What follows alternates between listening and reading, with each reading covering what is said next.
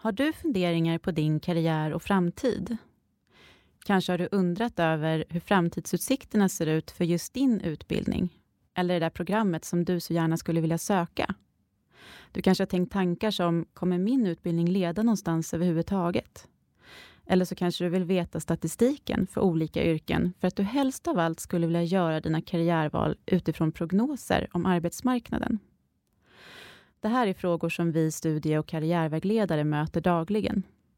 Kort sagt så finns det en hel del oro inför en oviss framtid. Många högskole och universitetsutbildningar är dock generella och leder inte till specifika yrken på samma sätt som just yrkesutbildningar gör. Till exempel polis, lärare eller socionom. Det betyder att det oftast inte är lika tydligt vad du förväntas jobba med sen. Och Det gör att det ligger ett större ansvar på en själv att orientera sig på arbetsmarknaden. Det betyder också att du har möjligheten att själv sätta tonen under din utbildning och att det är mer upp till dig hur du vill profilera dig mot arbetsmarknaden. I den här podden skulle jag vilja ge dig perspektiv på arbetsmarknaden, karriär och din möjlighetshorisont. Jag skulle vilja ge dig verktyg att börja planera din karriär och förbereda dig inför framtiden. Jag skulle vilja inspirera dig som behöver inspiration och lugna dig som känner igen dig i den där framtidsoron.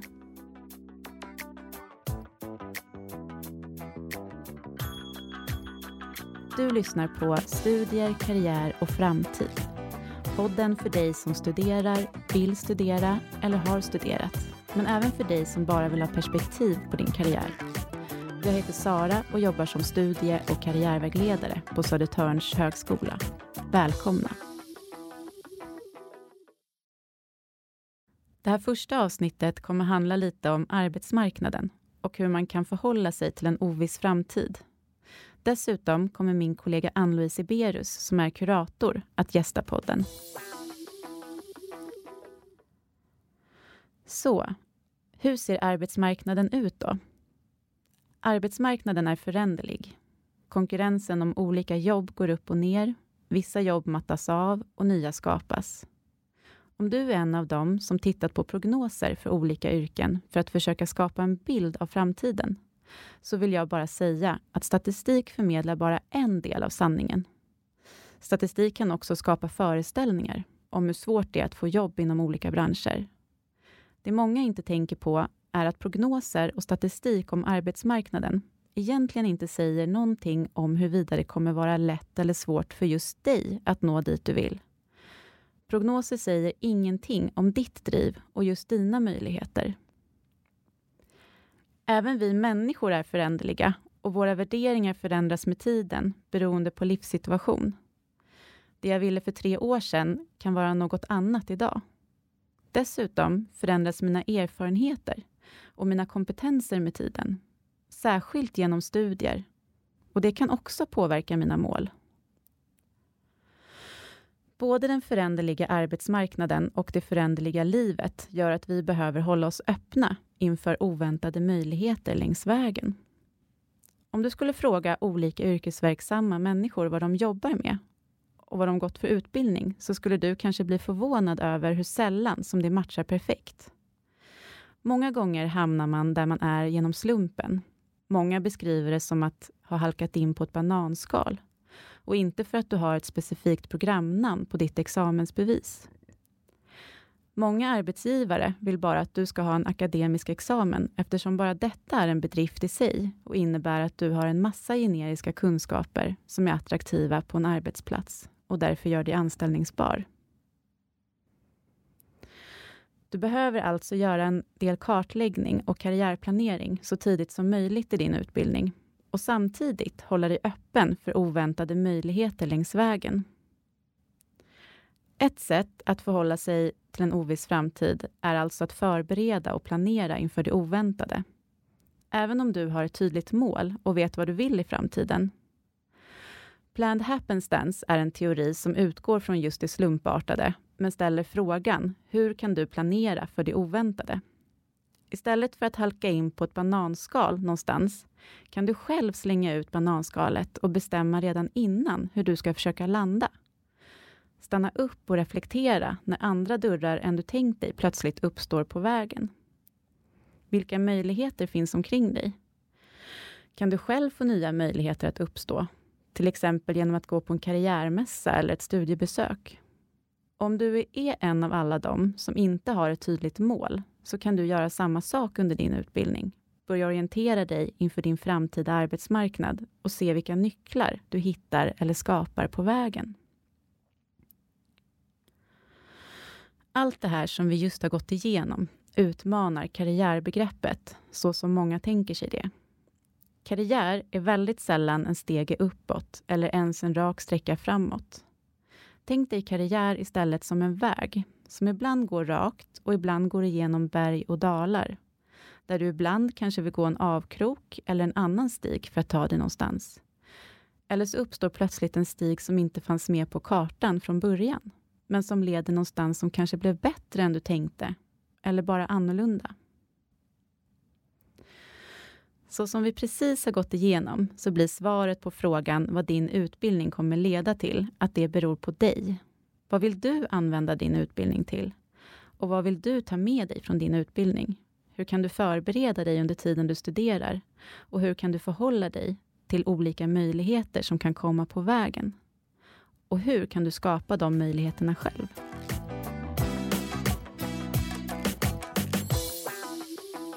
Och nu vill jag välkomna dig, Ann-Louise. Vill du presentera dig själv? Ja, men det kan jag göra. Jag heter Ann-Louise Berus och jobbar som kurator på Södertörns högskola och jag samarbetar med Studenthälsan på KI där eh, studenterna också har tillgång till andra eh, professionella personer såsom psykolog, läkare, psykoterapeut och eh, ett gäng sjuksköterskor. Och vi eh, vi träffar studenter individuellt, men vi har också en del gruppverksamhet. För närvarande så har vi två kurser som rullar. Det är en eh, Våga tala-kurs och en stresshanteringskurs. Men eh, min huvudsakliga uppgift, kan man säga, arbetsuppgift är att träffa studenter individuellt. Just det, som kurator. Som kurator, precis. Ja. Uh, jag tänkte också, någonting som jag skulle vilja fråga dig och som jag tänkte att jag skulle fråga alla som gästar den här podden, uh, är frågan, hur hamnade du här? Och hur blev du kurator? Hur hamnade jag här i podden, tänker du? Nej, Nej. på Södertörns högskola. Yes, jo, det var så här att jag, eh, jag har jobbat 16 år på Huddinge sjukhus, eller Karolinska universitetssjukhuset i Huddinge. Och eh, kände att jag ville jobba lite mer förebyggande. Eh, där är det ju väldigt mycket mitt i krisen när sjukdomar slår till och elände händer och sådär. Eh, och så jag hade en längtan efter att jobba lite mer förebyggande och kanske också jobba med lite mer, om man får säga, friska människor. Och då såg jag en annons att Södertörn sökte en kurator. Eh, och det kändes ju som ett toppenjobb. Så jag sökte och eh, fick det. Mm. Och jag har alltid sagt att jag skulle försöka hitta en ny arbetsplats närmare stan från mitt hem. Så jag tog mig över Alfred Nobels allé, mm. en gata. ja, alltid så, något. ja, det är alltid något, ja. precis. Um, så, så var det, mm. helt enkelt. Men eh, var du, hur liksom tog du dig från, vad, vad, var din utbildning då? Min utbildning är socionomutbildning. Mm. Eh, det är min grundutbildning så att säga. Just det. Och eh, jag gjorde min praktik på Huddinge sjukhus, så jag, det blev lite naturligt när jag blev erbjuden jobb där, att jag stanna kvar på min praktikplats helt enkelt. Mm. Trivdes jättebra som sagt, men sen kommer man till det här att, att det är läge för förändring, nya saker. Mm. Och då blev det en perfekt matchning, tänker jag. Ja, ja. bra. bra. Vi pratade lite om det här ämnet, eh, just att hantera en oviss framtid mm. som student. Eh, och Ja, alltså det här ämnet är ju, jag har ju pratat lite om det utifrån just studie och karriärvägledarperspektiv, men mm. jag är jättenyfiken på och intresserad av att höra hur du tänker kring det som kurator mm. och vad du får får liksom höra och hur, hur du hanterar det, så att säga, som, eller vad, vad du har för input i det här som kurator. Mm. Just det här med att hantera en oviss framtid, helt mm, enkelt. Mm. Um, ja, det är en väldigt vanlig vad ska jag säga, ett vanligt dilemma som studenter tar upp och eh, kanske gärna i slutet av sin utbildning. Eh, för att då börjar det bli, den här bryggan mellan ja, studentlivet och arbetslivet börjar ju liksom synas där framme. Så. Eh, men jag tänker att oro är ju någonting som vi alla drabbas av eh, under, under hela livet, mm. så att säga. Det är någonting som, som vi har med oss för att vi också ska kanske bli lite mer alerta på hur kan jag ta ansvar för min situation i det här och vad kan jag påverka och vad kan jag göra? Så. Eh, sen är det också så att eh, man vet ju att, att den här oro, oron som växer i alla, den kommer och går genom livet och den är starkare under vissa perioder. Och då finns det en del forskning som hävdar att åldersspannet 2029 är de som oroar sig mest för framtiden. Och det kanske är ganska mm. naturligt, tänker jag. Eh, för det är oftast under de åren man skaffar sig en utbildning och man kanske också blir lite mer medveten om vad som händer runt om i världen och, och så vidare. Mm. Eh, så det är ju också, det, jag tänker att, att man måste få oroa sig. Eh, det är ju ingenting som man ska ducka för eller liksom, det går inte att säga åt sig själv att sluta oroa det. Eh, men det gäller väl att göra det inom de områden som, som, man, eh, som man kan påverka, tänker jag också. Och när det gäller just det här med ja, vad händer, vad leder den här utbildningen till? Eh, kommer jag få något jobb och så vidare? Det är ju en adekvat oro, för man har ju lagt ner mycket tid och pengar på en utbildning eh, som förhoppningsvis ska leda till någonting. Men det är ju kanske inte heller alltid man får det där första drömjobbet, utan Eh, den här vägen genom arbetslivet kan ju vara både krokig och upp och ner och så vidare. Och får man inte, inte det första jobbet, drömjobbet, så kanske man åtminstone kan ta ett steg som leder mot någonting som man tänker är ett drömjobb. Mm. Eh, men det kanske är ett drömjobb idag. Det kanske inte är ett drömjobb om fem år, för det vet vi också att våra mål de förändras ju och förflyttas och vi kanske värdesätter vissa saker mer under en period i livet och andra saker mer under andra period. Mm. Jag tänker det här med om man till exempel vill bilda familj så kanske det är prio ett i livet och jobbet får vara en inkomstkälla så att säga. Mm. Um, men, men framförallt att bra sätta ord på det man oroar sig för. Tänker mm. jag. Vissa saker kan vi inte påverka men vissa saker kan vi nog kanske ändå skapa en större delaktighet i ens eget liv. Mm. Ta ansvar för. Jag vet mm. inte om det verkar, verkar vettigt så att säga. Ja, gud ja. Jag tycker att det du säger är jättevettigt. Jag tycker det är också lite intressant att mellan vad sa du, 20 och 29, ja. att man har en större tendens att oroa sig för ja. framtiden. Ja. Det är ju precis, och det infaller ju precis då när, man, när det är som flest som väljer att studera. Ja, precis. Um, och då kanske man kan få lite perspektiv på att ja, men det, det är naturligt just ja, nu precis. Det är en, nat sig. en naturlig process eh, där jag är i livet. så. Mm. Eh, och det är ju som sagt, det är ju så väldigt mycket annat som ska tas mellan de åren också. Eh, just det här att ja, man ska veta lite vem man är. Eh, man kanske vill träffa en partner. Eh, man borde ha ett stabilt boende, vilket ju är en jätteutmaning i den här stan. Mm.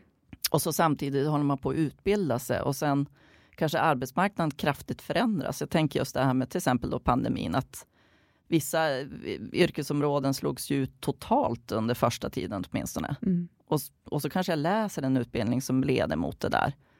Vad blir det av det här nu då? Ska jag hoppa av eller ska jag våga tro på att världen kommer återgå till något slags normaltillstånd. Mm. Så. Vad, vad, tänker du där? Vad, vad, skulle, vad, vad, skulle du säga till en student som kommer med, den, med det med sig? Att man har valt en sån utbildning och sen känner att men nu vet inte jag vad jag ska göra av det här. Ja, alltså jag tänker att det kanske inte nödvändigtvis behöver vara så att man hoppar av det första man gör, utan ha lite is i magen. Eh, dra ner det till att trivs du på utbildningen? Är det här intressant? Är det här någonting som du vill läsa och du kan tänka dig att jobba inom? Så kanske det räcker här och nu. Eh, för världen förändras ju väldigt snabbt och nu återigen pandemin, det gick från en dag till en annan. Men eh, helt plötsligt så kanske vi är tillbaka i ett normalläge eller ett, det nya normala. Mm. Eh, då kanske det finns en annan öppning. Det kanske är så att du kommer jobba med helt andra saker än vad du hade tänkt. Men att din utbildning ändå kommer leda till något bra jobb för Mm. dig. Eh, så att det, det är väl det är återigen tjusningen med att inte riktigt veta hur det ser ut om ett år eller fem år. Mm. Eh, men om jag känner att det här ändå är någonting som stimulerar mig idag, som jag trivs med, så tänker jag att det kan, kan vara värt att hålla fast vid det. Mm. Att, och det är någonting vi kan påverka, att välja att gå till exempel till utbildningen imorgon. Trots att jag tänker att hjälp, alla jobb inom den här branschen kommer att försvinna.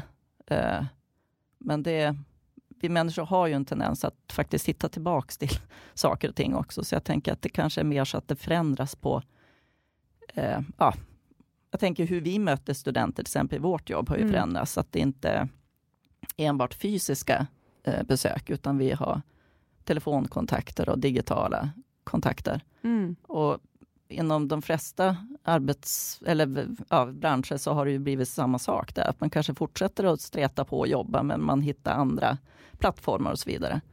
Så jag tror att, att, att, eh, att lita lite grann på att det här är ändå över, generellt sett någonting som jag vill stanna kvar i. Mm. Eh, då kanske det räcker för Mm. idag. Mm. Just det, att lita på sin egen inre känsla där. Ja, lite så liksom. Mm. Och, och kanske också öppna upp för att vara lite förändringsbenägen. Mm. Eh, man har ju också sett att de som klarar oro bäst är också de som kanske kan anpassa sig lite bättre. Eh, och då tänker jag just det här att man kanske inte behöver tänka vitt eller svart. Att jaha, nu föll hela resebranschen. Då kommer jag aldrig kun- kunna jobba inom det här. Nej, men det kanske är så att resebranschen kommer förändras. Eh, och vi kommer ändå kunna ja, vilja resa på något sätt. Liksom. Det kanske inte blir på samma sätt som förut, men det kommer att åter, återhämta sig tror jag. Mm. Och där finns det nog plats för dig också. Men just nu ser det, just idag kanske det ser mörkt Mm. ut så att säga. Jag tycker också att det där, det är det ju också intressant med det här med de alltså generiska kunskaper och färdigheter, alltså Mm. sånt som man har med sig från sin utbildning eller från sitt tidigare jobb i resebranschen eller vad det nu kan vara, att man, de kunskaperna är ju inte borta Nej. för att branschen ser annorlunda ut. Nej. Utan de kommer du ju kunna använda dig av. I andra sammanhang, Ja, absolut. absolut. Kon- Konsten att kunna möta människor, Ja, eh, den här sociala kompetensen som du kanske har fått med dig, precis. den kommer du ju användning av på andra, inom andra områden också. Mm. Och jag tänker också på det här, eh, jag vet inte om du har nämnt det, men, men eh, just det här att om man läser på en utbildning som man inte riktigt vet vart den leder. Den, jag Mm. tänker det finns några utbildningar som är mer eller mindre yrkesinriktade. Socionom till exempel vet man ungefär vad man kanske kommer att landa i. Eh, men många utbildningar och särskilt när man lägger ihop sina egna program kan ju vara svårt att veta vart bär det här. Mm. Eh, och då tänker jag just där att om man har någon förebild där ute i samhället, kanske beundrar någon som verkar jobba med någonting ashäftigt, liksom. var inte rädd för att ta kontakt. Jättebra. För jag tänker, all, jag skulle åtminstone bli väldigt glad om någon mejlar till mig och du verkar ha ett jättespännande jobb. Vad har du läst för någonting? Mm. Hur gör jag då? Mm. Och många gånger är det ju så, de som vi tänker att men det där kanske är en ekonom eller något, det kan ju visa sig att den har en helt annan bakgrund. Mm. Så. För det kan ju också leda en lite grann dit man vill. Verkligen. Det där är någonting som vi också pratar mycket om Mm. eh, med studenterna. Att just att ha kontakt med människor i branschen. Mm. eh, för att de vet bäst. Liksom. Och, eh, de vet bättre än vad vi vet, som är studie och karriärvägledare. Ehm, och sen också att man kanske kan ta hjälp av dem att hamna, hamna där man bäst av allt skulle vilja hamna. Mm. Det kanske inte är just som det man hade tänkt sig när man väl pratar med den personen, men Mm. den personen kanske kan öppna upp för ytterligare eh, yrkesroller i närheten, eh, som man inte hade tänkt på Nej men precis. också. Så Ja. förebilder är ju jätte, ett jättebra sätt, Mm. faktiskt. Mm. Ja. Tack Ann-Louise för att du ville vara med och gästa podden idag. Ehm, hoppas att du kanske vill komma tillbaka och prata om andra ämnen med oss i framtiden. Tack själv Sara, det har varit jättekul att få vara med och jag kommer jättegärna tillbaka om, om jag får en förfrågan. Mm. I nästa avsnitt kommer jag att prata mer om arbetsmarknaden och ta upp några strategier för att orientera sig på arbetsmarknaden och att skapa kontakter. För dig som studerar hos oss på Södertörns högskola och vill ha stöd i det som podden precis tagit upp är du varmt välkommen att vända dig till oss studie och karriärvägledare. Tack för att ni har lyssnat.